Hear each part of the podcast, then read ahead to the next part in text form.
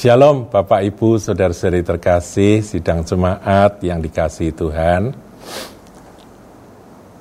Kita mendengar berita saudara Setelah uh, beberapa bulan kita mengalami kelegaan karena uh, Jumlah yang terpapar COVID semakin menurun.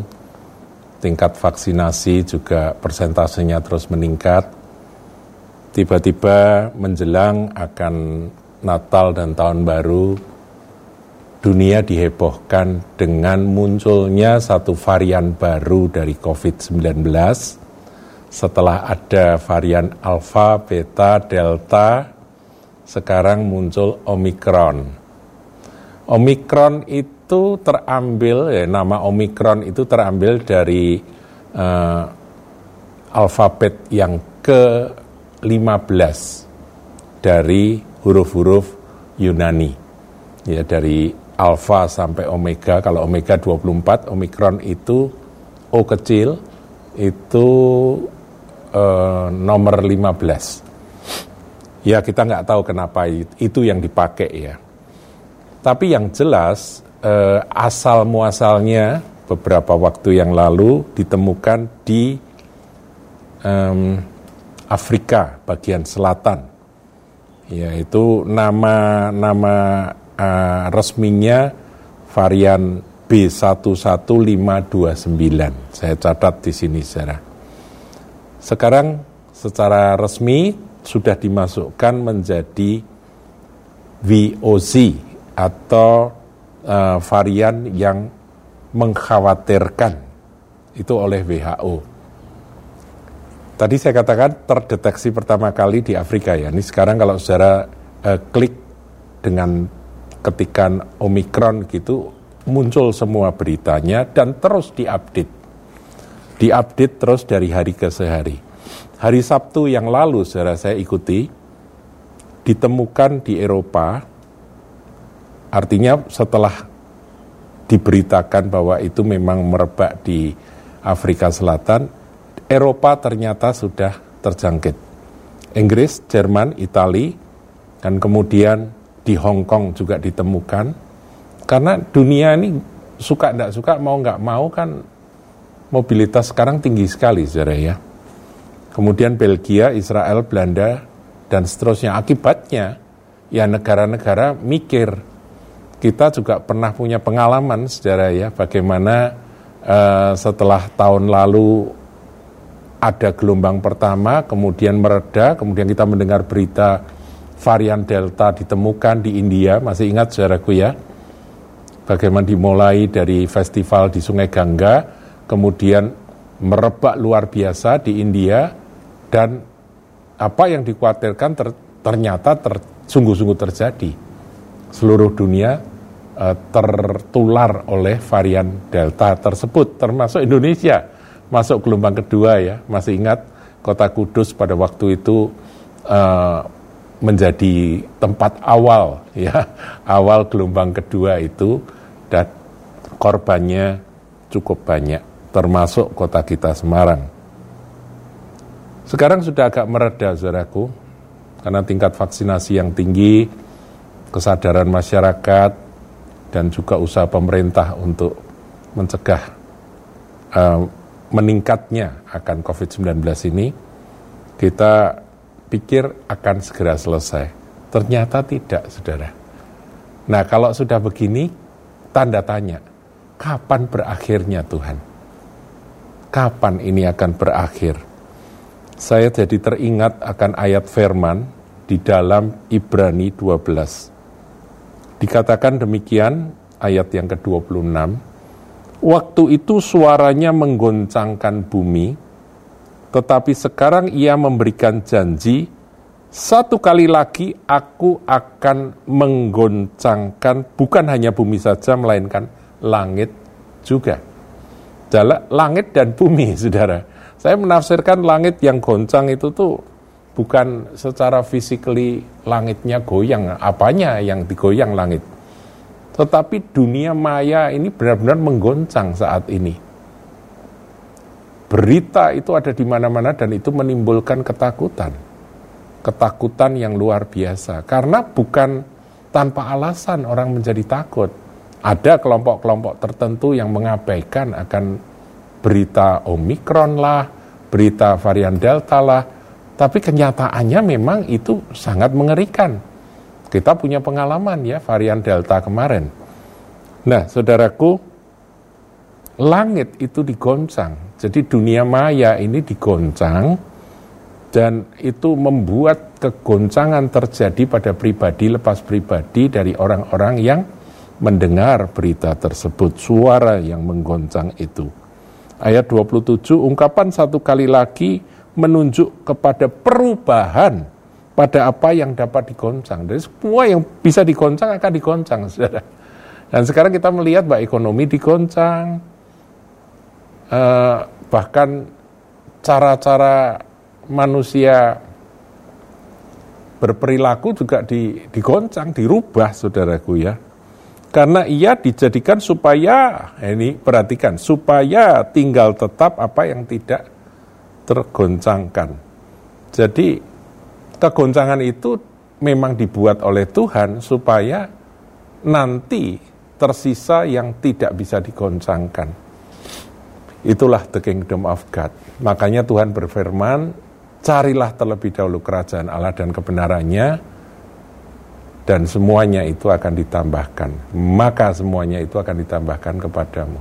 Cari terlebih dahulu kerajaan Allah. Sebab kerajaan Allah satu-satunya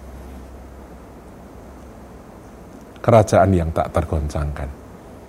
Kerajaan dunia ini semua akan digoncang, saudaraku. Bayangkan, virus yang gak kelihatan, yang nggak selesai-selesai. Saya menghitung tadi kurang lebih 21 bulan sampai hari-hari ini, saudaraku. Di Indonesia saja itu. Kita berurusan dengan yang namanya COVID-19 dan tidak selesai-selesai. Vaksin sudah ditemukan, sudah divaksin, sudah oke, okay, sudah membaik, meskipun prokes tetap dijalankan, apa jadinya? Ya, kita menyadari bahwa Tuhan sedang berpekara dengan dunia ini. Tapi doa saya, saudaraku, Tuhan, datang kerajaanmu dan jadi kehendakmu. Dan biar umatmu menemukan kerajaan yang tak tergoncangkan. Karena semua yang dipegang di dunia ini akan goncang Makanya ayat 28 bunyinya, jadi karena kita menerima kerajaan yang tidak tergoncangkan, the kingdom of God, marilah kita mengucap syukur dan beribadah kepada Allah menurut cara yang berkenan kepadanya dengan hormat dan takut. Kiranya situasi ini membuat rasa hormat dan takut kita akan Tuhan itu semakin meningkat. Mengasihi dia, menghormati dia, semakin serius di dalam ibadah kita ayat 29 ini mengerikan sebab Allah kita adalah api yang menghanguskan. Saudara kalau kita ingat Rasul Paulus mengajarkan bahwa benda-benda yang tahan uji api itu hanya tiga, yaitu emas, perak, dan batu permata. Sedangkan barang-barang yang lain yang dipakai untuk membangun hidup rohani, ada kayu, ada jerami, ada rumput kering, itu semua hangus ketika lewat api. Sedangkan Allah kita adalah api yang mengangus. Jadi hari-hari ini adalah hari-hari di mana kita akan melihat bagaimana bangunan rumah rohani kita yang terdiri dari terbuat dari kayu, jerami dan rumput kering, ya sudah biarkan itu lenyap. Supaya tinggal tetap yang tak tergoncangkan atau yang tidak hangus. Karena di sini dikatakan sebab Allah kita adalah api yang menghanguskan. Demikian, saudara. Nah, kembali kepada ini ya, Omikron. Berita terupdate, saudaraku. Mungkin ketika saudara mendengar akan suara gembala ini, update-nya juga sudah berubah lagi. Tapi berita terupdate yang saya bisa dapatkan dua jam sebelum saya take akan uh, video ini ada 16 negara yang sudah mendapati, menemukan COVID-19 varian Omikron ini di negeri mereka. Kasus-kasusnya sudah bermunculan, sudah ditemukan.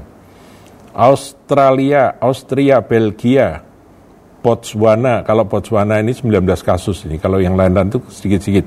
Kanada 3 kasus, Republik Ceko satu kasus, Denmark dua kasus, Jerman tiga kasus, Hong Kong tiga kasus, Israel satu kasus, Italia satu Belanda 13 kasus, Belanda ini banyak saudara. Portugal juga banyak 13 kasus. Afrika Selatan 77 kasus. Spanyol satu kasus, Inggris Raya lumayan 9 kasus. Jadi saudara, eh, ini ada judul juga, judul berita di Detik News, 13 pemain dan official klub sepak bola Portugal, 13 orang, saudara, pemain dan officialnya terpapar COVID varian Omikron. Ngeri ya, saudaraku. Nah, Omikron ini seperti apa? Ya, eh, diberitakan bahwa belum banyak di di apa itu dikuasai atau di, dimengerti gejala-gejala dari Omikron. Tapi yang diberitakan itu beda dengan COVID-19 yang varian lain. Jadi tidak panas dan tidak batuk katanya, tetapi kelelahan yang luar biasa. Tiba-tiba menjangkiti seseorang, itu gejalanya. Kelelahan yang luar biasa, jadi lemes gitu mungkin ya saudaraku ya. Dan orang yang sudah divaksin juga ada yang kena. Yang belum vaksin apalagi, saudaraku. Tingkat bahayanya belum ditemukan, apakah ada korban meninggal juga belum, tapi rata-rata yang terpapar adalah usia 40 tahunan. Jadi kali ini kalangan usia pertengahan, saudaraku. Jadi bukan orang tua, ya. Mungkin karena orang tua banyak yang sudah vaksin. Yang vaksin ada yang masih bisa kena, tapi kalau di Afrika memang karena tingkat vaksinasinya baru 7 persen, jadi Afrika agak sulit untuk meng, meng, mengkaitkan akan buah dari vaksinasi, hasil dari vaksinasi dengan serangan uh, COVID-19 varian Omikron ini. Indonesia, saudaraku, sudah meningkatkan akan kewaspadaan dengan melarang semua uh, warga Afrika Selatan ya di di Afrika bagian selatan itu beberapa negara yang memang menjadi sumber itu sudah dilarang, dilarang untuk masuk. Sedangkan orang-orang yang pernah ada riwayat mereka akan dikarantina 14 hari. Punya riwayat pernah melintas wilayah itu. Jadi serius sekali saudaraku cara pengatasannya. Tapi kalau kita kembali kepada sejarah atau penggalaban, dulu ketika Wuhan mulai terjangkit, itu sepertinya kan cuma China saja kan. Tapi kemudian kenapa kok bisa seluruh dunia sejarah?